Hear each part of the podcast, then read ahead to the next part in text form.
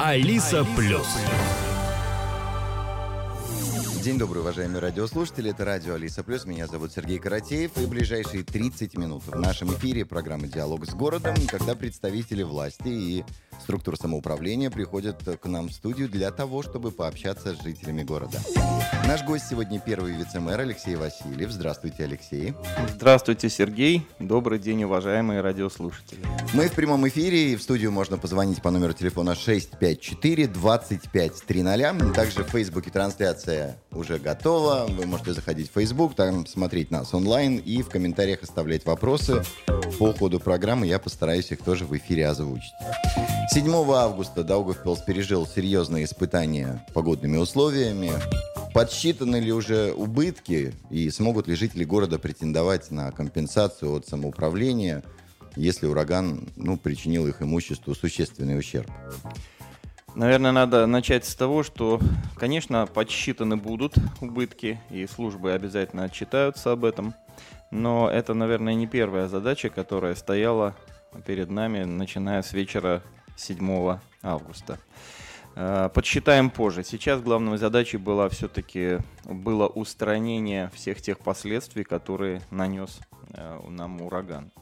Надо сказать, что вообще-то Даугавпилсу еще повезло, э, потому что вот крупный град, который, в общем-то, в социальных сетях фотографии были со всей Латвии, что там происходило, и какие машины были, и разбитые стекла, и, и крыши, и домов, и так далее, и так далее. На территории Даугавпилса это ну, не так сильно, скажем, заметно было. Кое-где. Э, естественно, э, город отреагировал мгновенно. Э, спецслужбы сразу же по окончании шторма вышли на улицы. Первой задачей была, конечно, расчистка э, улиц тех, по которым проходит общественный транспорт, для того, чтобы обеспечить его движение. Поэтому это всегда, это, кстати, при расчистке снега, например, мы сразу с этих улиц начинаем. Э, затем э, улицы второстепенные, затем тротуары и, наконец, уже парки, скверы, ну и вообще все остальные места в Даугавпилсе. Э, я хочу выразить признательность службам, всем, которые участвовали в расчистке города и ликвидации последствий урагана. Я хочу поблагодарить работников, которые буквально больше, чем сутки не уходили с работы, особенно коммунального предприятия. Э, в первые сутки так там вообще было необходимо постоянно работать. Э, и большое спасибо еще раз всем, кто принимал участие в расчистке города. Э, то, что касается, э, скажем, компенсации жителям за причиненный от урагана ущерб. Если это, скажем так, деревья, например, упали с территории муниципальной, здесь не может быть вообще никакой речи, здесь сразу компенсация будет автоматически присваиваться, э, город будет участвовать в, так сказать, в ликвидации этих последствий. А вот много вопросов вызывает, э, что будет с частным сектором. Вот здесь я хотел бы очень внимательно подойти, горожан предупредить. Во-первых, надо разделить частный сектор. Иногда, э, скажем, горожане выезжают буквально совсем чуть-чуть за пределы Даугавпилса. Это уже Аук Даугавас Новац, например, э, Калку у нас Пагац и в другие места Аук Даугавас Нова, да. Э, они не являются самоуправленческими. Поэтому там, где территории не самоуправления, мы, естественно, оказывать помощь не сможем. Мы оказываем помощь только тем домашним хозяйствам, которые находятся на территории нашего самоуправления. Это первое требование, это надо понимать. Иначе просто нам закон запрещает действовать. Э, второе. Э, значит, есть обязывающие правила Даугавпилской думы – в соответствии с которыми э, социальная помощь оказывает так называемое кризисное пособие, то есть предоставляет горожанам кризисное пособие. Э, кризисное пособие, э, размер его может достигать 3000 евро. В этих случаях каждое заявление будет рассмотрено индивидуально. И я хотел бы обратить ваше внимание, уважаемые горожане, на то, что, конечно, мы не сможем весь ущерб покрыть, например, ущерб теплицам или зеленым насаждением, конечно, покрываться не будет. Мы э, будем возмещать ущерб домашним хозяйствам, то есть маю или жилищам, да, это ваш дом, например, крыша пострадала, окна пострадали и так далее. Вот в этом случае э, горожане смогут получить э, компенсацию. Надо прийти в социальную помощь, написать заявление, э, предоставить необходимые доказательства. Ну, а, конечно, службы выйдут, осмотрят все это дело. И в течение там, короткого времени, я думаю, что там неделя, не больше, рассмотрят и а, предоставлена будет помощь до 3000 евро, повторяю. Ну, на сегодня есть информация, что ущерб по Латвии от урагана уже насчитывает 11 миллионов евро. А в Даугавпилсе какие районы пострадали сильнее всего? Сергей, э, я не хочу как бы вот э, огульно как-то отвечать на этот вопрос. Дело в том, что в каждом районе есть какие-то э, последствия урагане. Какие больше, какие меньше, ну, очень затруднительно это сравнить не хотел бы я так говорить. Вот, например, и прямо возле Думы были деревья повалены, и в сквере, в э, Пумпуре, и в Дубровино парке, и, и ну, по, по всему городу на самом деле было. И я бы не сказал, что где-то там больше, где-то меньше. А какая процедура получения вот этой компенсации? Куда обращаться? Как вы? Я как сказал, вы, наверное, прослушали. Возможно. Э, при, надо прийти в социалет Парвалда да. или в электронном виде обратиться, это если есть электронная подпись. Э, написать заявление, конечно, понятно, указать адрес свой, э, указать координаты, службы, конечно, на место выйдут, оценят ущерб, и в соответствии с этой оценкой будет уже э, выплачено э, пособие по, в кризисной ситуации. Это кризис Паблс, так называется. 654-2530, номер телефона прямого эфира. Даугавпилское самоуправление проводит сейчас большую реформу сферы организации бухгалтерского учета. С чем это связано и какие преимущества город получит в результате? На самом деле Даугавпилс далеко не первый город, а, кто проводит, э, скажем так, изменения в бухгал бухгалтерии города. Э, понятно, что у нас много муниципальных предприятий, и в каждом муниципальном предприятии есть своя бухгалтерия. Но видите ли, я думаю, что очень сильно отличаются предприятия, которым, на которых работают, например, 500 человек, и обороты этого предприятия миллионы, иногда и десятки миллионов. И те предприятия, в которых работает, например, 3-4 человека, и э, э, оборот ну, 25, там, например, тысяч, бюджет общий да, этого предприятия. Поэтому э, бухгалтеры заняты очень по-разному. Если в огромных предприятиях бухгалтер иногда не справляется в свой 8-часовой рабочий день, и ему приходится по рабочей необходимости оставаться дольше, да, там ему, скажем, доплачивают какое-то что-то, ну, по закону, да, что необходимо, но тем не менее он загружен полностью, как говорят по уши. Но э, есть предприятия, где бухгалтеры так не загружены. И тогда встает вопрос, э, а почему не дозагрузить этого бухгалтера, э, скажем, бухгалтерии другого какого-то предприятия муниципального. Но это возможно лишь в том случае, когда все бухгалтеры подчинены одному человеку, который планирует деятельность этой централизованной бухгалтерии. И кроме того, э, есть серьезное отличие в зарплатах бухгалтеров, которые работают в разных местах, на разных предприятиях. На мой взгляд, если люди э, определенной квалификации, с определенным образованием, работают в одном управлении, э, самоуправлении выполняют одну и ту же работу, но не может зарплата отличаться, например, в тысячу евро, правда? Это как-то не, нелогично. Э, поэтому, да, надо, наверное, поднимать зарплаты тем людям, которые недостаточно много получали. Надо распределить работу таким образом, чтобы заняты были все специалисты и заняты не 4 часа, не 5 часов в день, а все 8 рабочих часов. То есть это повышение, я бы сказал, эффективности работы бухгалтерского, бухгалтеров и вообще ведения бухгалтерского учета в нашем городе. И на самом деле я вот начал с этого, что в других городах это уже не новость. Мы не первые вводим вот эту централизацию бухгалтерского учета. И я думаю, что мы имели возможность оценить результаты в других городах, посмотреть о том, как это работает. И думаю, что результат будет хороший в данном случае. А все ли останутся с работой после вот этой э, реконструкции? Я, я не могу обещать э, и так вот заявлять, что все абсолютно останутся с работой, но если, скажем, 200-300 человек получат э, какое-то преимущество по сравнению с тем, как было раньше, и 2-3 человека, ну, скажем, э, при этом будут освобождены от занимаемой должности, как бы это ни звучало, может быть, несколько цинично, но в данном случае 200-300 человек, ну, в общем-то, не 2-3.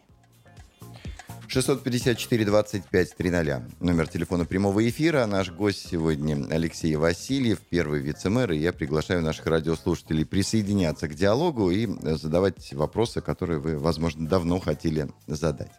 Вчера на заседании Комитета по образованию и культуре и финансового комитета принято очень много решений о глобальных изменениях в области культуры в нашем городе. Если можно, подробнее расскажите, что произошло, какие грядут изменения, ну и какие плюсы для нас, жителей.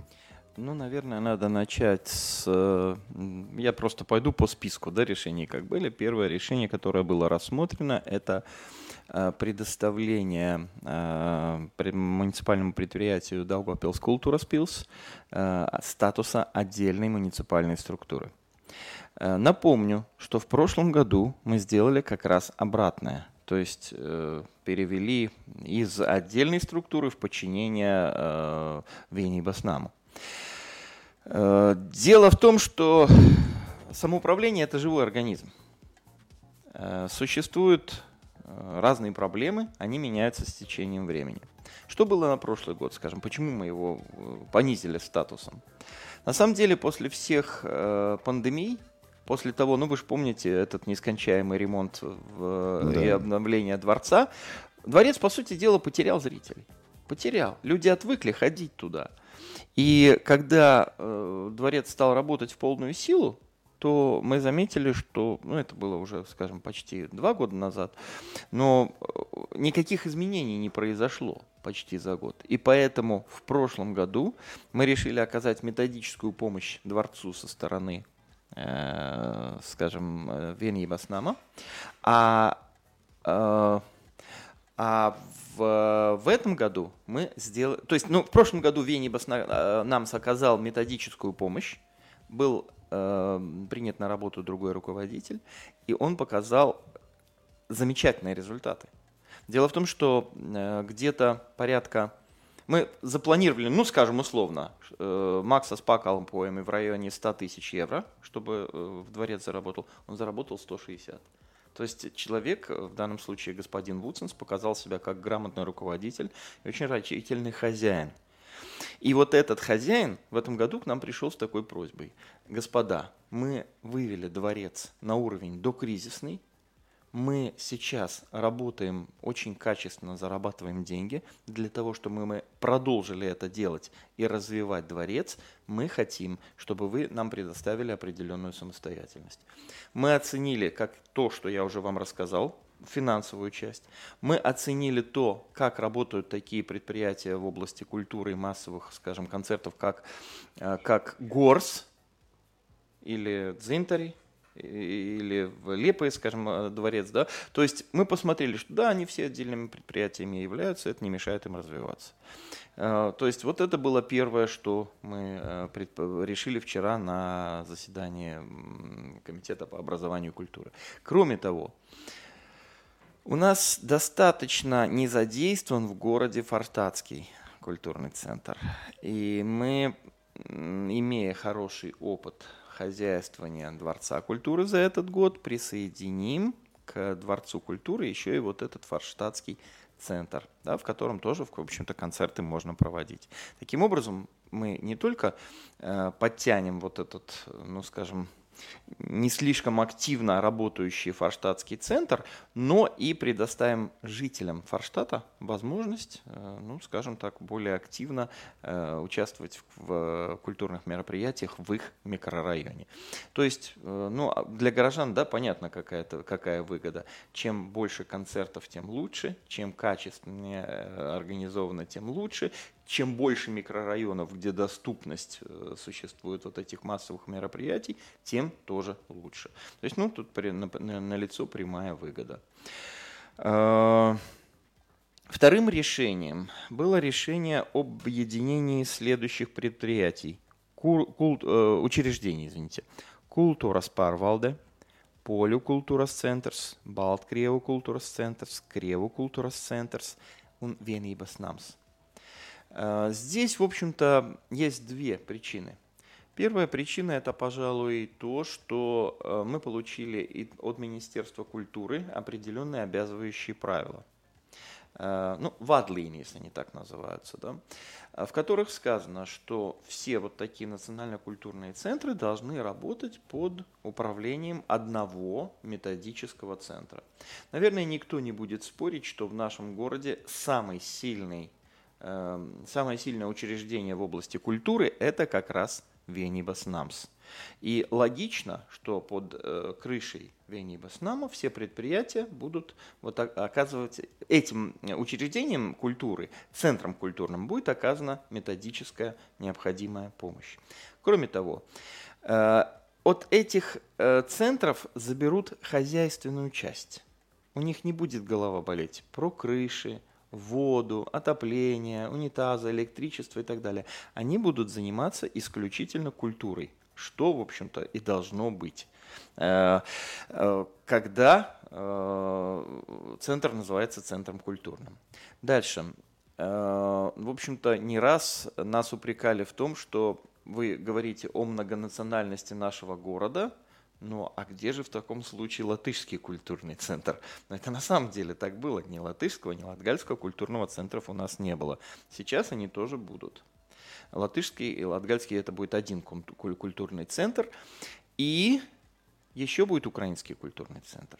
Э, значит, э, предприятие получается действительно большое, но на самом деле, учитывая то, как работает Венибес Намс, и вот э, в том числе оценив музыка, очередной музыкальный август, который сейчас проходит в нашем городе, мы видим, что это э, предприятие может дать действительно необходимую помощь, которая э, и будет оказана. Это, так сказать, я сейчас о юридической части говорил, о том, что государство, скажем, такую разнарядку нам спустило. Теперь финансовая часть. Государство в этом году приняло законы, и подзаконные акты, которые регулируют э, уровень зарплат в, руково- в руководстве муниципальных предприятий, государственных предприятий. Нам необходимо было всем нашим э, уже существующим центрам, и если мы создаем новые, то и им тоже, поднять за, зарплату настолько, что никакой бюджет этого бы не выдержал. Ну, вы понимаете, мы планируем бюджет, скажем, в октябре, ноябре, э, скажем, прошлого года, на этот год. И если мы принимаем бюджет, а в этом году вводятся новые какие-то особенности, то, естественно, мы просто не в состоянии все выполнить. Скажем, в этом году правительство приняло решение о поднятии зарплат учителям. Да, школьные учителя э, финансируются из государственного бюджета, но учителя дошкольных учреждений из самоуправленческого бюджета. И нам за 4 месяца было необходимо где-то, ну, то есть сентябрь, октябрь, ноябрь, декабрь, где-то достать полмиллиона евро. Ну, где-то надо было достать. Вы понимаете, когда постоянно вот такие нагрузки возрастают на наш бюджет, мы просто не в состоянии выполнить его. А мы не хотели бы, чтобы у нас история по типу Розыкненской повторялась. Мы очень хотим, чтобы город Даугавпилс никогда не испытывал страх банкротства. Поэтому надо быть внимательным, и в данном случае мы просто не могли всем руководителям учреждениям такую зарплату, которую нас обязывали, скажем, э, поднять. Поэтому э, ну, это вторая причина, почему, скажем, они теперь, теперь будут работать вместе. Финансовая причина. Ну, как бы, э, что еще? А, и, наконец, третье предприятие, которое большое, которое будет работать, оно будет называться cietokšņa un музею Парвалде. В чем особенность? Зачем оно было нужно? У нас есть сейчас cietokšņa Парвалднекс, вот только, как бы по нашему мнению, не очень понятные функции. Э, понимаете, э, если ну, нужно скосить траву, например, на валах, то э, этим может заниматься коммунал saimniecības Если нужно проверить электричество, скажем, этим занимается Лабья Картошина. Если нужно э, написать проект, на, например, на реновацию зданий или самих валов, то этим занимается атеистибас департамент. Вопрос, чем занимается цветочный парвалникс? Ответа нет. Поэтому э, здесь мы расширяем с одной точки зрения компетенцию, но там уже будет работать и человек, который будет за все перечисленные вещи отвечать. И, скажем, из атеистибас департамента туда придет человек, который будет заниматься только проектами крепости. Только проектами крепости. И, э, и поверьте, работы там хватит на, на то, чтобы развивать ее. Ну, короче говоря, вот, э, вот взаимодействие между, скажем, структурой вот этой управления крепостью и э, нашими музеями, которые есть в Даугавпилсе, по сути дела, это одно целое должно быть, по нашему мнению. Потому что в таком случае мы э, мероприятия, например, проводим, которые не пересекаются друг с другом. Сейчас очень многие, вот, например, недавно прошли мероприятия одновременно на площади Венибас Гостус Ладгула было и Артишок в Стропах. И Артишок выиграл, на площади было очень мало людей. Это недочет в планировании. И когда, скажем, мы будем говорить об общей структуре, где будет административная отдельная часть, которая будет заниматься планированием мероприятий, которая будет заниматься развитием, которая будет заниматься обслуживанием техническим и так далее, и так далее. Вот именно эта часть э, будет заниматься хозяйственной э, частью. Если мы будем говорить о музеях, так же, как и в области культуры, я говорил, они будут заниматься культурой. И у них не должна болеть голова о том, когда и какой транспорт должен подойти, чтобы отвести выставку куда-то и искать. Кроме того, будет, э, ну как бы вот я говорил о зарплатах бухгалтеров, да, что они сильно отличаются. У нас и в культурной сфере зарплаты отличаются. Скажем, самые низкие зарплаты в Новотпетнице Музейс. Самые низкие. Почему? Там работают точно такие же специалисты, как в других, э, скажем, э, музеях нашего города. Кроме того, есть некоторые, ну, скажем, ну, в центр Маркарука там работает 44 человека. Рядом находящийся инженерный арсенал, который, извините, 18 тысяч посетителей за это время. Мы только открыли. 18 тысяч – это очень серьезная цифра.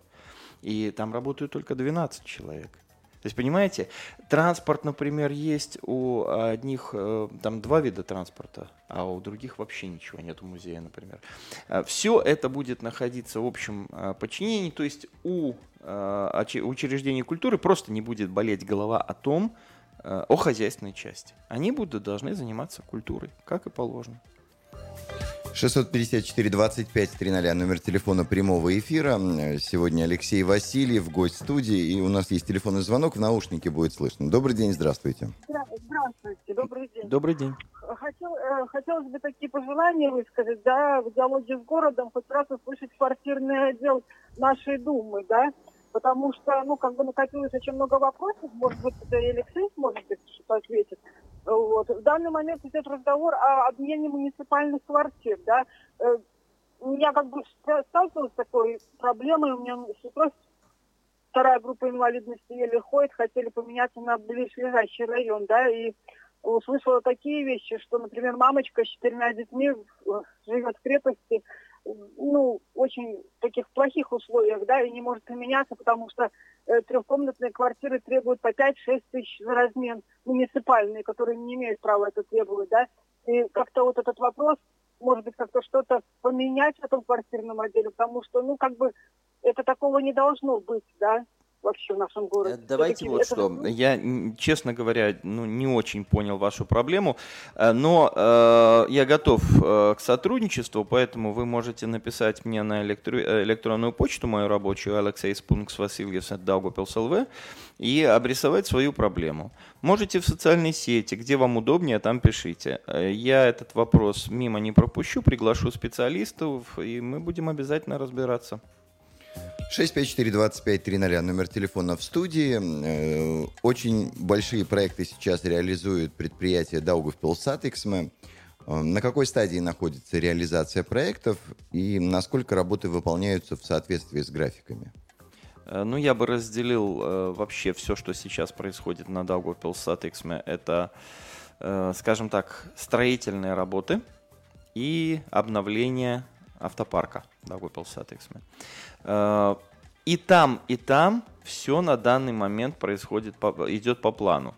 Э, небольшая есть, скажем, проблема в том, что последние автобусы, которые пришли к нам, они, кстати, еще не переданы автобусному Daugavpils satiksme, вот эти автобусы большие красные на газе, да, э, но у них что-то там проблема с мониторами.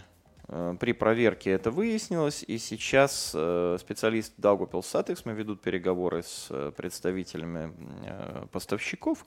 Я думаю, эта проблема будет исправлена, но это, скажем так, автобусы уже у нас, они работают, они ездят, все в порядке. Ну, поскольку договор такой, какой есть, то надо придерживаться этого договора, поэтому специалисты строго так секут, скажем так, интересы нашего самоуправления. Э, там все идет нормально. Э, по автобусам э, трамваи тоже строятся. И надеемся, что, как и положено, до 31 декабря, а вообще-то это должно и раньше быть, особенно по автобусам, о которой речь идет, все будет закончено, все будет в срок.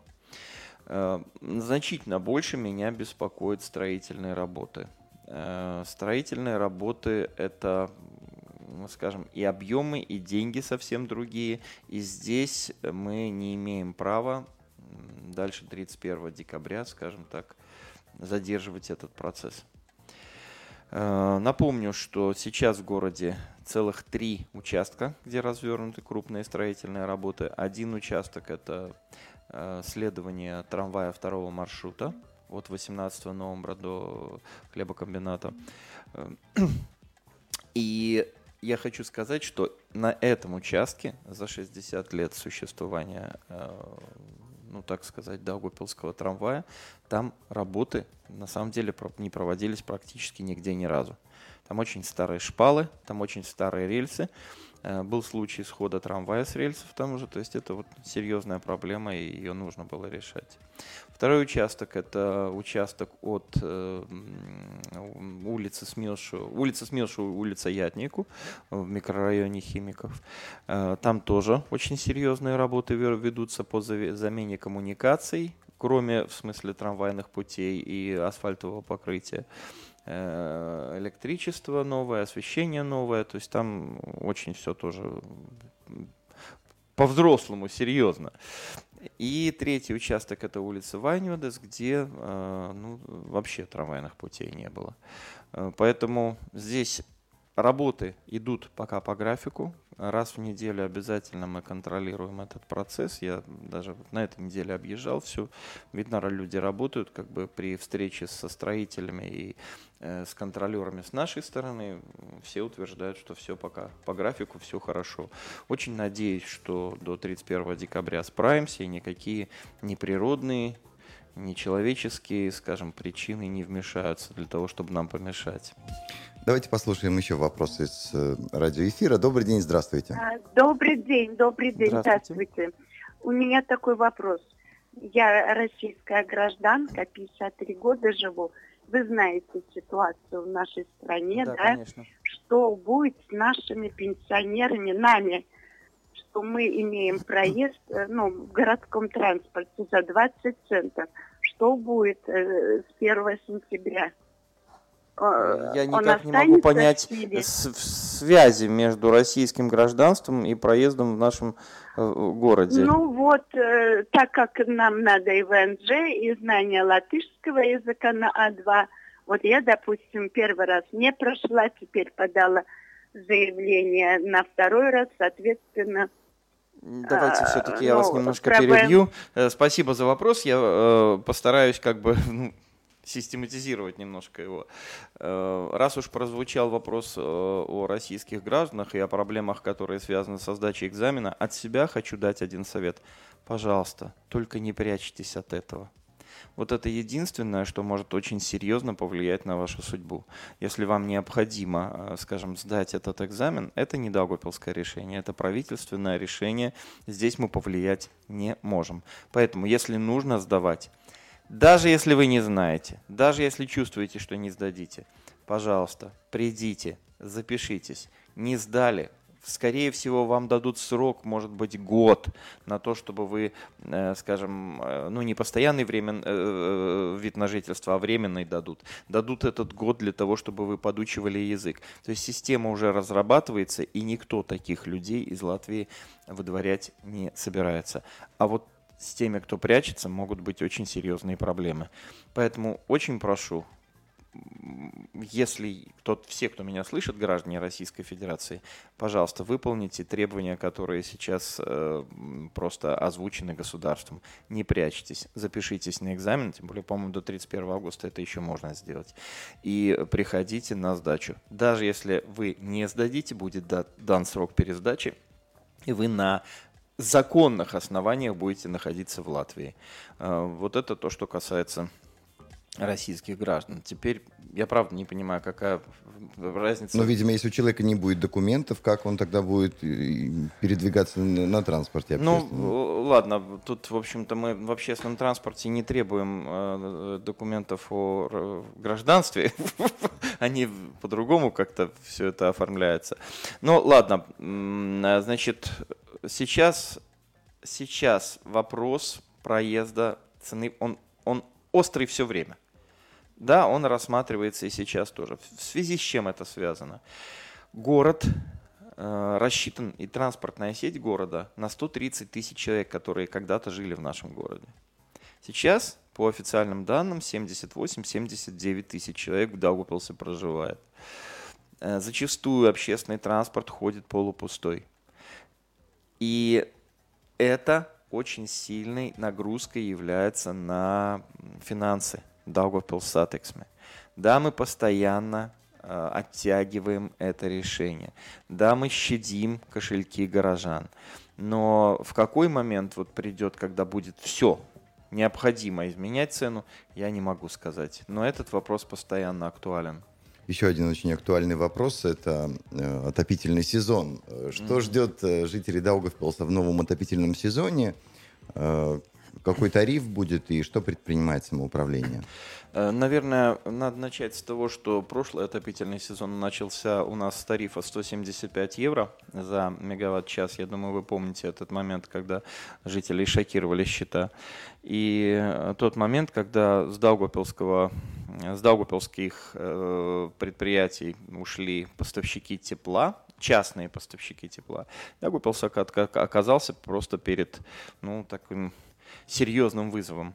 В прошлом году мы, э, в общем, провели серьезную работу на сетях и включили, э, скажем, возможность использовать не только природный газ, но и смесь пропана и бутана, и щепы, и дизеля, и все, что дешевле. В общем, в результате многих наших э, вот этих серьезных преобразований с 1 мая этого года действует тариф 85 евро, который является одним из самых низких в Латвии. Э, значит, э, да, мы будем стараться его снижать еще дальше, еще больше. В данный момент э, проходит на ТЭЦ-2 строительство второй в Даугавпилсе станции на Щепе. Если первая станция, она, правда, помощнее, она рассчитана на 30 мегаватт, ну, э, при, скажем, пиковой мощности дает 36 приблизительно мегаватт. А всего надо э, какая мощность? Для Даугавпилса? Да. Э, ну, скажем так, если я скажу 100 мегаватт, то я не совру, потому что иногда больше, mm-hmm. если сильные морозы, иногда меньше, если, допустим, ну, около плюс. И одна эта станция делает 30, да? 30-36 вот так станция делает. Плюс, если после того, как строительство закончится, в Даугавпилсе второй ТЭЦ, на второй ТЭЦ станции, второй на щепе уже станции, она немножко менее мощная, но все равно это 20 мегаватт плюс э, с экономайзером и в пиковой мощности 24. То есть, учитывая то, что 24 и 36, ну, вы можете сами посчитать, это 60 мегаватт, то есть приблизить больше даже немножко, чем половину э, тепла мы, мы сможем вырабатывать на тепловых станциях, которые работают на щепе. Как только э, станция на щепе будет вторая включена в общий контур, как только она начнет давать тепло, естественно, Даугупилское самоуправление и, в частности, Даугупил Силтумтикли, они обратятся в регулятор общественных услуг для снижения тарифа.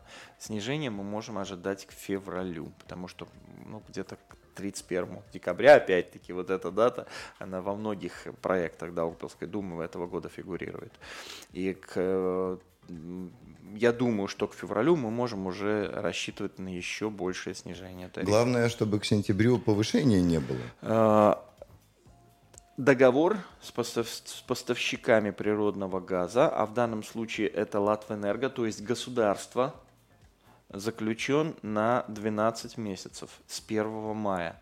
То есть, ну, То есть больше уже не будет точно. Мы, ну, знаете, с кем же еще договариваться, как не с государством, но это уж, знаете, как определенная все-таки гарантия. Надежды у нас есть, что не будет никаких э, проблем. Поэтому думаю, что э, на 99% повышения никакого не должно быть.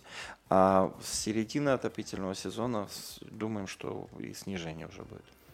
654-25-00, номер телефона прямого эфира. У нас еще несколько минут есть э, в нашем с вами распоряжении для того, чтобы задать вопросы нашему гостю. Алексей Васильев э, сегодня в нашей студии.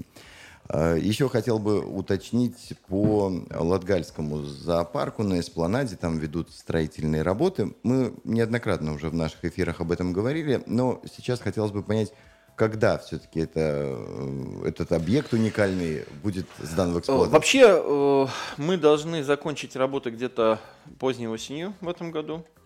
Э, ну, как бы понимаете, поздней осенью открытие вот этой тропы делать немножко нелогично, потому что э, на самом деле уже может быть снег там лежать, и мороз может быть, и, и так далее, и так далее. То есть до, в принципе, вот наступить, наступления вот этих морозного сезона мы должны закончить. Открытие, я так полагаю, все-таки, наверное, будем праздновать следующей весной когда э, уже можно будет там гулять. Э, будет состоять из нескольких смотровых вышек э, этот объект и тропы, собственно, над самим вот этим водоемом. Ну, называется Капур-Вутака, болотная тропа. Оно немножко, конечно, не соответствует названию болота, то, что там находится. Ну, водоем такой, да, определенный. В чем уникальность? Во-первых, все-таки это нигде в Европе, в центре города таких троп нет. Они, конечно, ну, ну, оправданы и вынесены за пределы города, там, где находятся болотные, скажем, или там угодья или водоем. Но в центре города такого нет. Поэтому мы очень рады и гордимся таким, тем, что нам удалось такой новый объект Даугупилсе создать. Ну так, э, не будем торопиться, все-таки еще Дождемся не создали, открытия, а да. создаем, да, это будет правильно так сказать. Ну и, э, конечно, этот э, объект будет находиться рядом с со всеми туристическими маршрутами, недалеко от крепости, и, конечно, я полагаю, что повлияет и на привлечение туристов в Дагупилсе. Еще один телефонный звонок примем. Добрый день, здравствуйте. Добрый день. Добрый день. Пожалуйста. Я совсем не по транспорту, а по благоустройству улиц.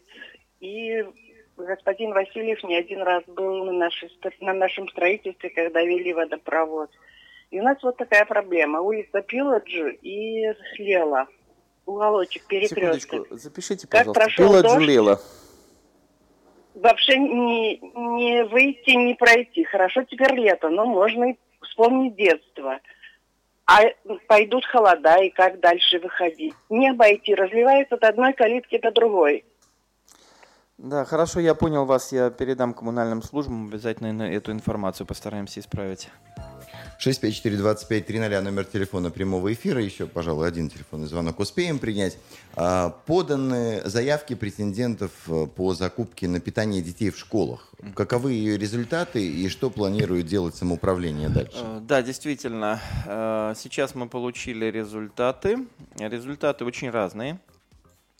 И сейчас проходит проверка результатов. Вы знаете, что иногда в, скажем, в таких конкурсах участвуют ну, недобросовестные, скажем, предприниматели, целью которых э, просто сорвать конкурс. Я надеюсь, что в этот раз такого не будет, но проверить э, Даугавпилское самоуправление должно эти проблемы. Э, цены очень разные. Иногда наши постоянные, скажем так, поставщики этой услуги в некоторых случаях проигрывают Э, тем, кто пришел в первый раз на эти конкурсы. Ну, для того и есть специально созданные службы, которые сейчас вот проводят, э, так сказать, оценку э, результатов этого конкурса. Результаты будут, то есть публично мы об этом сообщим. Сейчас уже их, в принципе, можно посмотреть, но пока проверка проходит, этого, этого не делается. На следующей неделе будут уже окончательно известно все остальное. Хочу горожан заверить в следующем. Даже если э, что-то будет не так с этой закупкой, то мы уже предусмотрели вариант, каким образом мы будем кормить детей с 1 сентября. То есть в любом случае в школах питание будет обеспечено. Об этом можете не волноваться. Заключительный телефонный звонок примем. Добрый день, здравствуйте. Добрый день, здравствуйте. Мне хотелось бы задать вопросик. Вот возле поселка Табора находится дачный поселок Залив Хиллз. А нельзя как-то сделать э, дачный сезон, пустить маршрутное такси, чтобы почаще ходить? Я передам этот вопрос директору автопарка. Это уже не территория Даугавпилса. Это, ну, как бы наш автопарк обслуживает это дело. Э, хорошо, я понял вас. Я понял вас. Ну и в завершении, если можно, в этом году впервые артишок был проведен в Стропах. Как оцениваете вот этот перенос из центра города в Стропы? Насколько результативно? Сергей, это целенаправленное планирование э, развития э, микрорайонов города. Э, мы стараемся очень много работать с крепостью, мы стараемся очень много работать со стропами, для того, чтобы центр города не был единственным местом, где проходят какие-то э, массовые мероприятия, где люди могут с удовольствием участвовать. Вот такое многогранное и разностороннее развитие города, это является нашей целью. Считаем, что прошел очень хорошо артишок, очень много было участников, и, честно говоря, я, когда приехал, даже был немножко удивлен, потому что людей было ну, фантастическое количество. Это радует, это внушает надежды на будущее. Ну, замечательно. С надеждой на будущее, да. хорошее будущее, мы завершаем нашу сегодняшнюю программу «Диалог с городом», гостем, который был первый вице-мэр Алексей Васильев. А программу «Диалог с городом» на волнах радио Алиса Плюс провел Сергей Каратеев. Спасибо и до встречи. Спасибо вам. Диалог, Диалог с городом на радио Алиса Плюс.